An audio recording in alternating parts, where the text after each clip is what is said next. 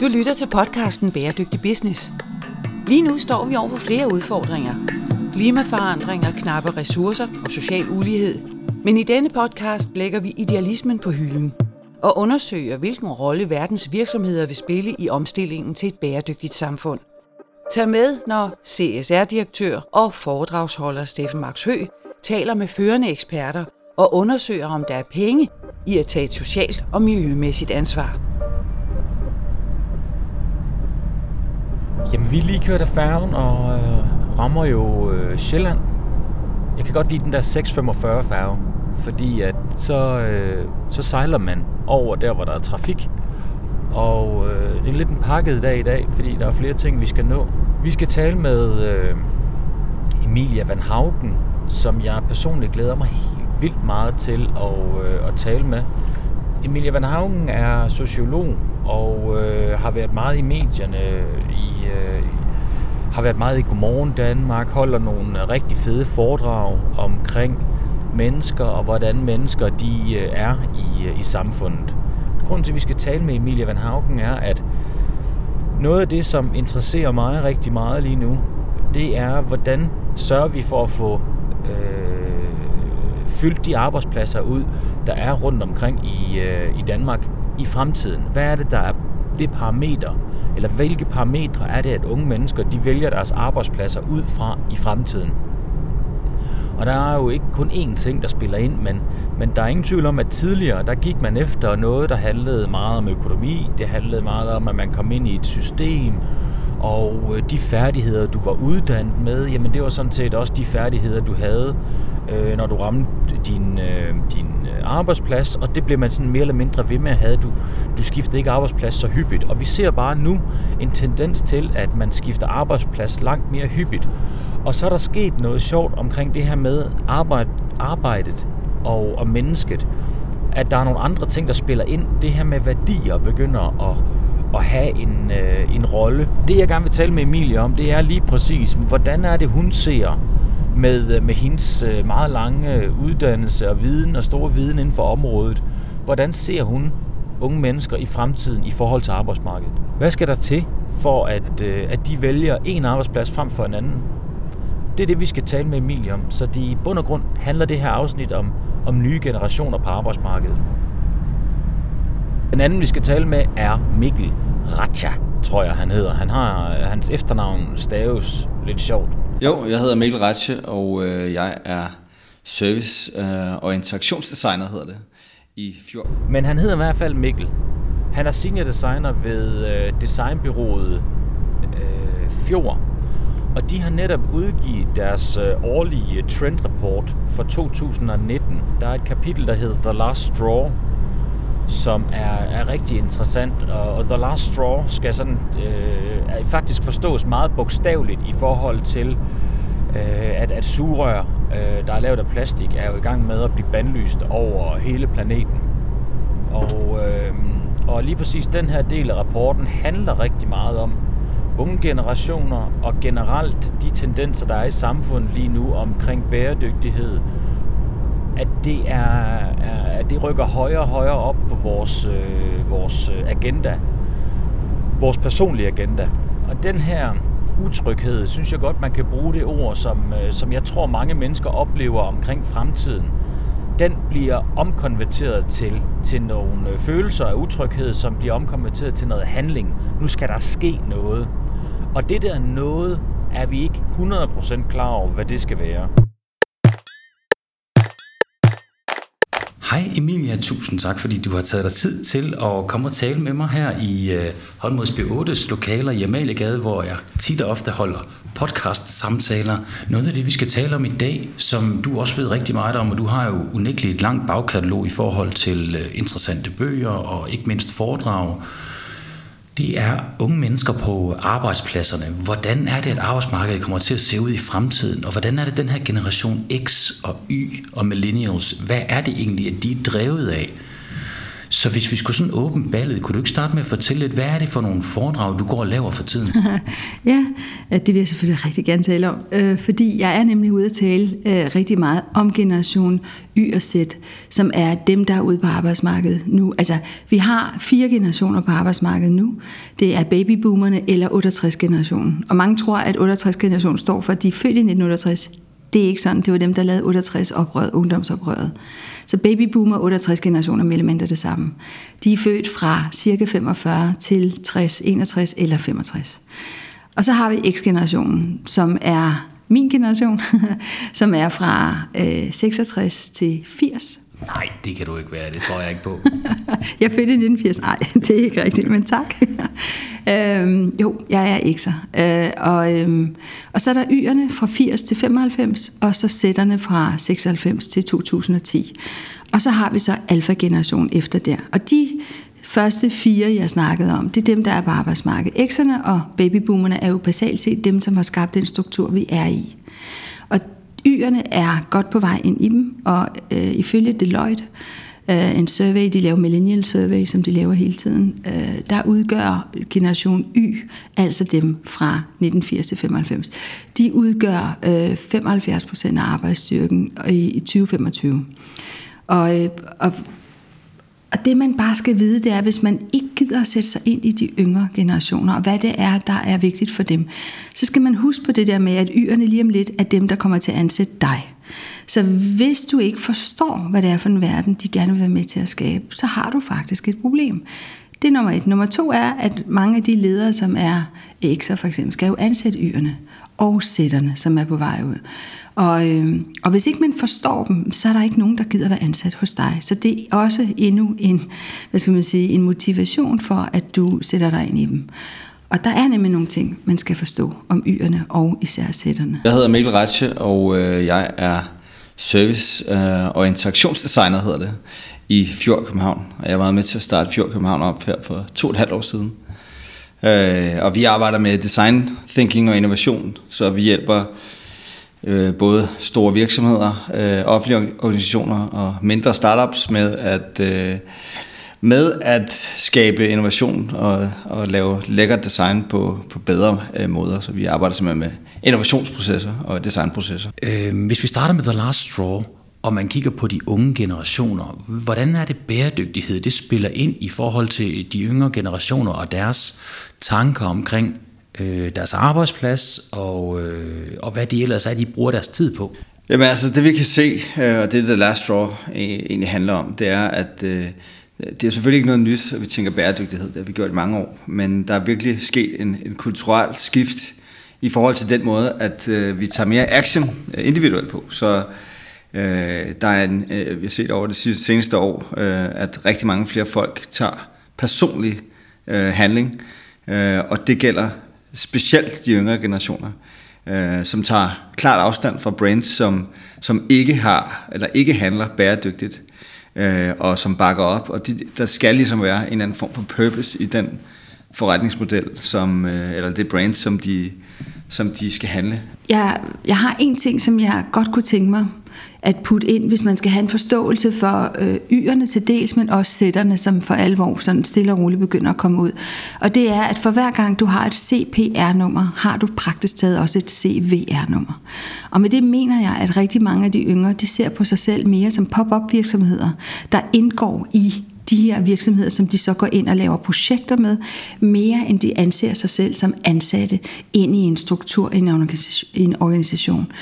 Og, øh, og det er vigtigt at huske på, fordi noget af det, jeg bliver spurgt om allermest, når jeg holder de her foredrag, og i det hele taget pressen og sådan noget, så er det, at øh, hvordan man tiltrækker og fastholder de unge generationer. Det er sådan det største spørgsmål, jeg hele tiden får.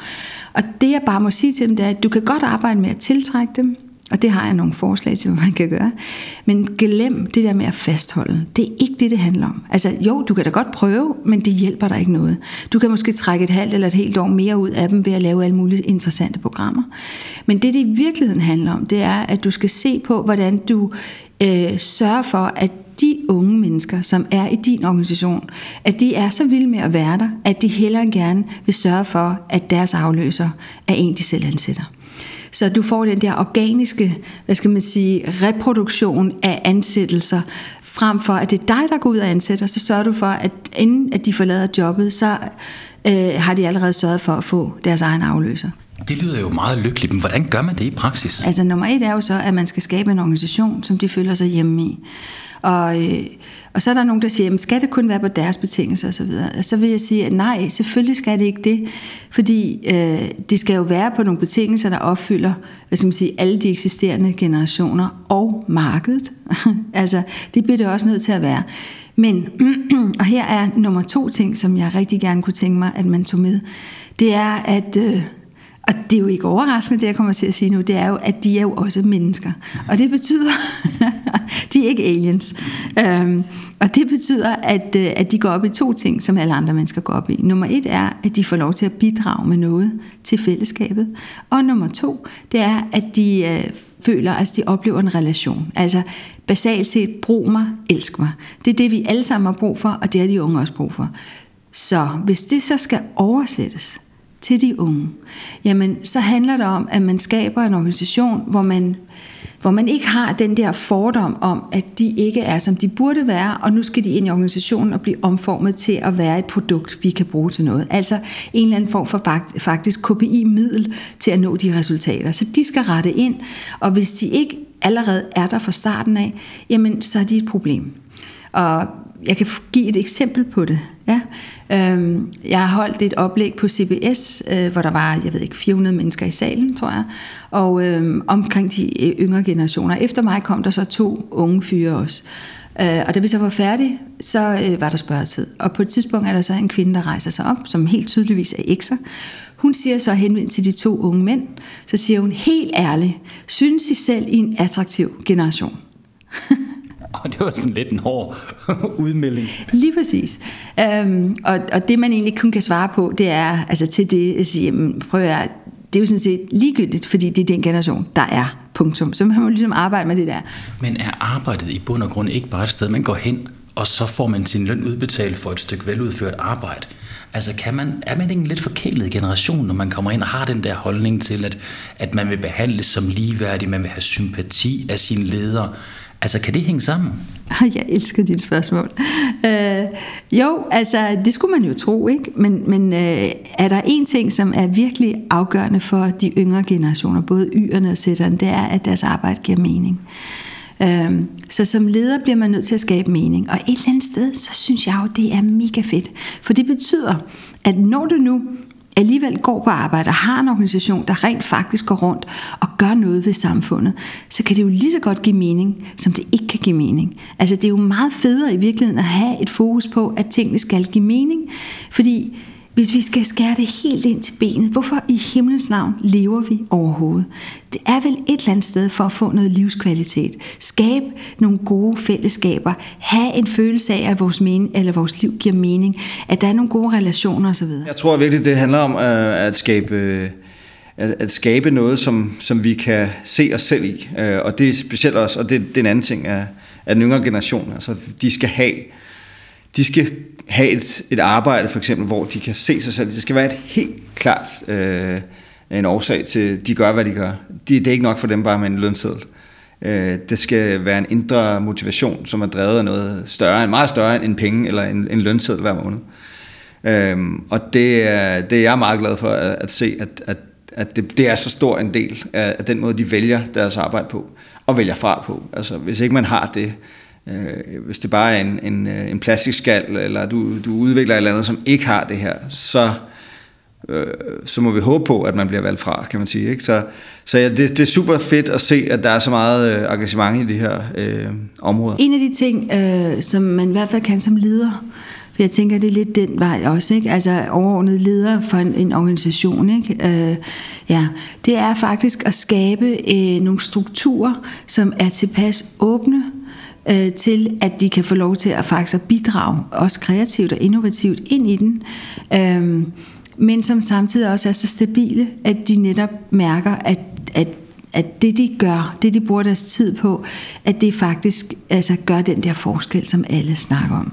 Altså det betyder ikke, at de ikke kan lave øh, kedelige kopimaskineopgaver også, men man skal se dem som en, en ressource fra starten af. Øh, den måde, jeg for eksempel har bygget mit øh, foredrag op på, er i virkeligheden at give folk tre redskaber, øh, som, som er tre spørgsmål. Og basalt set er de så enkle, de er lige til at tude over. Problemet er bare, at der er rigtig mange, der glemmer det og gør det. Og de tre spørgsmål handler simpelthen om nummer et, øh, når vi taler om de unges identitet, at man som, som, hvad skal man sige, som den ældre generation øh, basalt set øh, skal spørge dem, ikke med de ord, men spørge dem om, hvem er de? Altså det, der ligger bagved, er, at man er interesseret i dem. At man ikke ser dem som en kategori, men at man ser dem som et menneske. Øh, og det gælder også dem, at de kan spørge deres ledere eller deres kolleger, hvem er du? Ikke nødvendigvis med de ord, fordi det er jo ikke alle, der kan svare på det, men mere den der nysgerrighed på, hvem, hvilket menneske er du, og hvad betyder noget for dig osv. Nummer to handler om, om fællesskaber og relationer, og det handler netop om, jamen, hvordan skaber vi et fællesskab sammen? Altså, hvordan laver, altså hvordan er vi sammen? Øh, en af de ting, jeg synes, jeg, jeg, som jeg synes er vigtigt at huske på også, det er, at når man ser på alt mulig forskning, der viser, hvad det er, der gør et liv lykkeligt og sundt, så er der et, et, et eneste entydigt svar på det, og det er faktisk gode relationer. Så jeg har sådan en kæphest med, at det kunne jo være fedt, hvis alt, hvad vi overhovedet lavede og besluttede os for at gøre i den her verden, det er altid blevet målt op imod, om det relationerne bliver bedre eller dårligere, frem for om økonomien bliver bedre eller dårligere. Fordi så ville vi sikre os, at vi havde et samfund, der rent faktisk fungerer. Men jeg synes bestemt også, at du har en rigtig god pointe i det, men er det ikke symptomatisk for hele det... Øh den udfordring, vi står overfor lige nu i verden, det er, at der er rigtig mange ting, vi kan måle, og det er det, vi har gjort i lang tid. Men nu kan vi godt se, at det er ikke nok at kigge på BNP. Det er ikke nok at kigge på KPI'er, fordi der er ting, som er svære at måle, som har noget med, med fællesskabet at gøre, noget, der har noget med miljøet at gøre, så det bliver sværere at måle ting. Og det kan vi ikke lide, fordi hvis vi ikke kan måle det, så kan vi ikke kvantificere det, så kan vi ikke tage det op til en økonomidirektør og få det valideret og accepteret. Så vi har simpelthen brug for på en eller anden måde at have tillid til, hvordan det føles. Og det er lidt svært at måle. Det er sindssygt svært. Men på den anden side, så ved du for eksempel godt, om en relation øh, fungerer eller ikke fungerer. Altså, det ved vi jo godt instinktivt. Og det er jo fordi, at, at hvad skal man sige, hele det der naturvidenskabelige paradigme er gået hen og gjort sandhed. Altså, hvad skal man sige, man måler al sandhed efter det naturvidenskabelige paradigme, i stedet for måske at måle det efter nogle andre ting. Og måske er det på tide, at vi, vi begynder at se på det på en anden måde. Øh, og også hvis vi skal snakke om rigdom i forhold til for eksempel bæredygtighed, ikke, som jeg synes er enormt spændende, det er jo, jamen, altså hvor rig, hvor rig behøver man overhovedet at blive, for at have det godt. Øh, altså, når man hører om de her øh, få mennesker i verden, der ejer halvdelen af, øh, af verdens øh, ressourcer eller rigdom, ikke? eller virksomheder, som bare bliver større og større og større, men som får flere og flere medarbejdere, der går ned med stress osv. Hvad er det egentlig, vi lever for? Og hvor mange penge har vi i virkeligheden brug for at have, for at have det godt? Øh, hvis man begynder at se på netop, hvis man nu sagde, at det var gode relationer, vi målte alt op imod, fordi vi vidste, at det var det eneste, som virkelig for alvor skabte livskvalitet, øh, så vil bæredygtighed jo helt automatisk komme ind som en fuldstændig naturlig faktor, ikke som et eller andet øh, nyt, som vi ligesom orienterer os efter, eller mode, øh, som lige pludselig er der eller noget, som vi i dag er tvunget til at tænke i, for ellers så øh, underminerer vi jo hele vores egen eksistens. Jeg læste jo faktisk i jeres rapport, at, at de mest bæredygtige brands, som Unilever har, de har jo rigtig mange forskellige brands, de vækster 30% hurtigere end, øh, end de såkaldt almindelige. Det er rigtig meget, og det er bare, øh, og det er noget, altså jeg, jeg synes i Danmark har vi jo været gode til det her i lang tid. Det er jo ikke, der er jo mange af de her ting, der ikke er nye, men der er sket et kæmpe skift i forhold til den opmærksomhed, der er kommet på det. Både for regeringers, øh, for mediernes opmærksomhed, og øh, også selvfølgelig også den unge generation. Øh, så jeg tror, og det er jo, altså mange gange kan vi tale om, hvor, hvor digitale vi er blevet, og hvor, hvordan det skader vores ungdom, og og alt det her, men, men vi kan bare se, at der er kæmpe opmærksomhed på en masse gode sager, øh, specielt øh, bæredygtighed, øh, som, som de har, øh, eller specielt klimaet, som er øh, rigtig meget fokus. De unge er sindssygt optaget af bæredygtighed. Altså det er jo ikke for ingenting, hende der Greta i Sverige i løbet af et halvt år øh, nærmest bliver, øh, altså ja, det er jo et halvt år, er nomineret til, øh, til Nobels fredspris. Ikke? Øh, det er jo ikke for sjov, at det sker. Det er jo fordi, at hun, hun simpelthen anslår en streng, som er ekstremt vigtig blandt de unge, men også i samfundet. Og jeg synes, at hendes budskab om, at nu har I fucket rundt, undskyld mit sprog, ikke? Øh, for længe. Altså, hvad havde I regnet med? Hvad er det for en verden, I overgiver til os?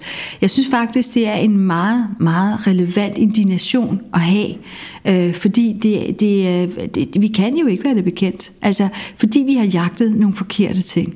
Og bæredygtighed kunne lige så godt være øh, det, man ligesom målte op imod. Men der vil jeg så sige, at det er jo også relationel bæredygtighed. Altså, det er jo ikke bare miljømæssig bæredygtighed, eller øh, økonomisk bæredygtighed, eller CSR, altså social bæredygtighed. Det er også relationel bæredygtighed. Hvordan er vi sammen? Når vi nu ved, at det er det, der er det allervigtigste, hvorfor i himlens navn bliver vi så ikke uddannet fra 0. klasse i at forstå, hvad en god relation er? Hvordan man skaber et godt fællesskab? Hvordan man skaber en organisation, der fungerer for alle mennesker? Det er jo det eneste, vi har. Altså, vi tager jo ikke penge med i graven. Men jeg er jo fuldstændig enig, og jeg kan jo huske helt tilbage fra, fra mit studie, hvor jeg læste øh, psykologi. Altså det er, jo, det er jo lige præcis kernen i trivsel. Der er øh, en diskussion om, hvad det er for nogle ting, det involverer. Men en ting, alle folk er enige om, det er, positive relationer, det er altafgørende for, at man har et godt liv. Og der findes jo tonsvis, tonsvis af forskning omkring det fra, når en ægtefælle dør, hvor hurtigt det er, at den anden ægtefælle dør, og ensomhed, hvordan det påvirker vores fysiske helbred. Så der er jo virkelig noget at tage fat på.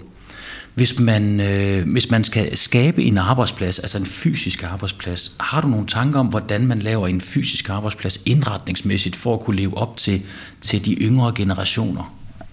Ja, altså... Øh, øh, hvis man skal sådan have et element på de yngre generationer, så, så øh, har jeg gået sådan til, at det er vand. Fordi det, det er flydende karakter.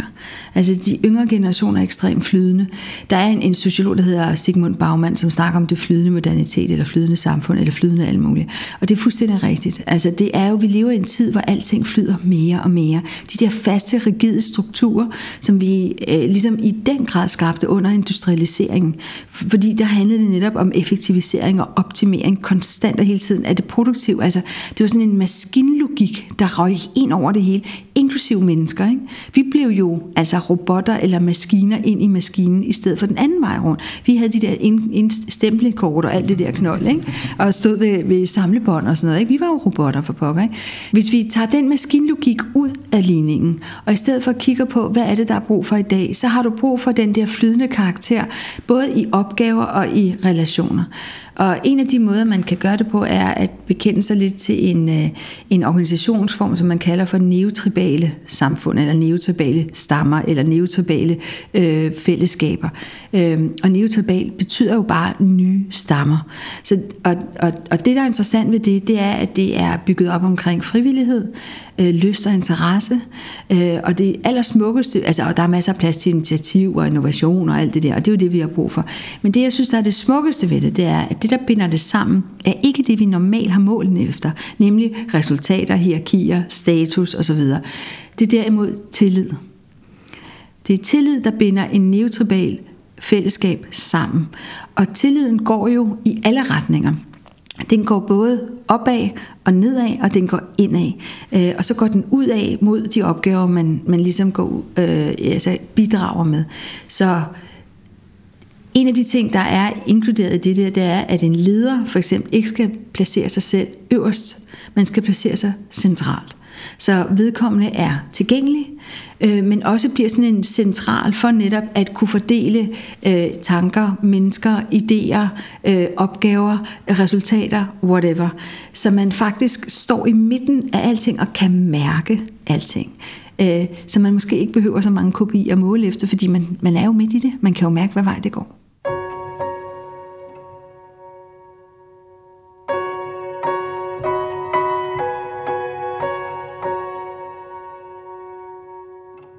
Handler i virkeligheden mere om at skabe en, en grad af et, et, et netværk, eller en familie, eller et eller andet. Altså de der mere nære fællesskaber, hvor vi kender hinanden, og hvor vi bruger hinanden på tværs. Og det er jo det, man gør for eksempel i en familie. Man har et klart statushierarki, men selv i moderne familie, så er statushierarkiet slet ikke så oplagt længere. Og de relationer, man har, de går jo heller ikke kun fra forældre ned til børn. I dag går de jo på kryds og tværs af alt muligt. Plus at der jo også er flere, der sådan har øh, sambragte familier. Det vil sige, at man gør det i anden og tredje og fjerde led, kender hinanden. Øh, og de unge bliver ansat øh, hos forældrene, fordi at de kan nogle ting, som forældrene aldrig nogensinde har været i stand til at lære osv. osv. Så der kommer en meget mere flydende karakter i forhold til, hvad det er for nogle relationer, man har. Og det er relationen, der i virkeligheden skaber samarbejdet. Øh, og det er det, jeg tror, man skal være meget mere opmærksom på. Og det er også derfor, jeg siger, glem at fastholde. Det, det kan du ikke, fordi de har den der flydende karakter, og i øvrigt så er de på vej væk hele tiden. Altså man, man, øh, man siger, at øh, altså der er en undersøgelse, der viser, at 41 procent øh, er videre efter, efter to år og en endnu selvfølgelig mindre andel er der i fem år. Så i stedet for at arbejde mod tyngdekraften, ikke, for det er virkelig det, man forsøger at gøre, ikke, øh, jamen, så øh, øh, dyrk det med relationerne. Fordi noget af det, der også sker, det er, at, øh, at, at det kan da godt være, at de forsvinder, men hvis du har været et fedt sted at være sammen, hvis du har været den der stamme, som man godt gad være en del af, så kommer de tilbage, og så kommer de faktisk tilbage med en masse nye ting, som, altså nye kvalifikationer, som man jo ikke nødvendigvis havde på det tidspunkt, hvor de var der første gang. Øhm, og det vil sige, at du får den der organiske, bæredygtige måde at have en, et, et, et fællesskab på, en gruppe, en stamme. Og det er jo meget mere agilt i forhold til den tid, vi lever i, og meget mere i synk med det, der er behov for, fordi du netop kan være innovativ på en helt anden måde. Ja, fordi de her yngre generationer, de gider simpelthen ikke at møde ind til et projekt, hvor det er, at vi gør sådan og sådan og sådan. Opgaverne skal sådan set bare udføres, det hele er defineret. De har ikke noget at sige, de skal bare udføre. Kan du her til allersidst give et godt råd til, øh, til de yngre generationer, når de skal ud og søge et arbejde? Hvad hvad skal de slå på, når de taler med, med den lidt ældre generation i sådan en ansættelsessituation? Ja, altså jeg tror, at de skal, de skal slå på, at de i, i, i den grad, øh, hvis de får lov, altså hvis de får lov til at blive brugt, øh, kan se på det eksisterende med øh, nye og fremtidens øjne.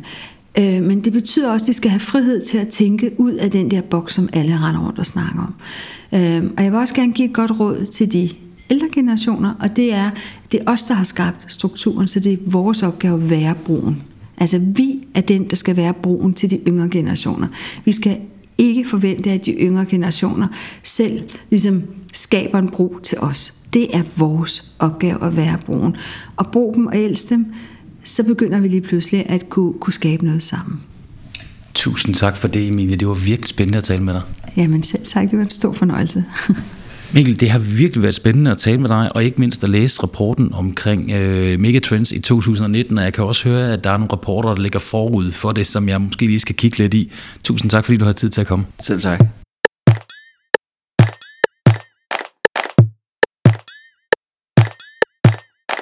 Jeg har lige haft fornøjelsen af at, at lave et interview med Emilia Van Haugen. Den her episode af Bæredygtig Business handler jo netop om øh, de unge generationer på arbejdsmarkedet. De unge mennesker, de ser jo, eller de nye generationer ser jo deres arbejdsplads på en helt anden måde, at det er jo ikke bare et, et hævesænkeskrivebord, en kontorstol, og så en chef, der kommer ind til dem i ny og næ. Det handler meget mere om dynamik og om samspil. Det handler om at have en, en arbejdsplads, der understøtter det. Men der er jo også mange andre ting end den fysiske arbejdsplads. At det handler om, at deres arbejde skal opleves meningsfuldt. Og der synes jeg, hun har nogle fede betragtninger i forhold til, at bæredygtighed kan spille ind som en medvirkende faktor til at skabe den her meningsfuldhed i arbejdet. Det, at man, at man som menneske, individ, connecter til noget større. Øh, ikke bare en virksomheds bundlinje, men, men til noget, der er større. Måske, at man også kæmper mod klimaforandringerne, eller at man også gør noget for socialt udsatte så talte jeg efterfølgende med, øh, med Mikkel, som er senior designer ved, øh, ved Fjord Designbureau. Han havde nogle rigtig fede pointer omkring øh, det her med, med bæredygtighed og øh, det faktum, at øh, det er noget, der fylder rigtig meget for de unge generationer på arbejdspladsen. Han har jo været med til at skrive den rapport, som hedder øh, øh, Megatrends 2019, og virkelig interessant læsning. Jeg skal nok lige linke til det i, øh, i show notes. Men øh, nu skal jeg til med færgen, så jeg vil sige tusind tak, fordi I har lyttet til øh, Bæredygtig Business. Jeg håber, I har en god dag, og tak fordi I lyttede med. thank you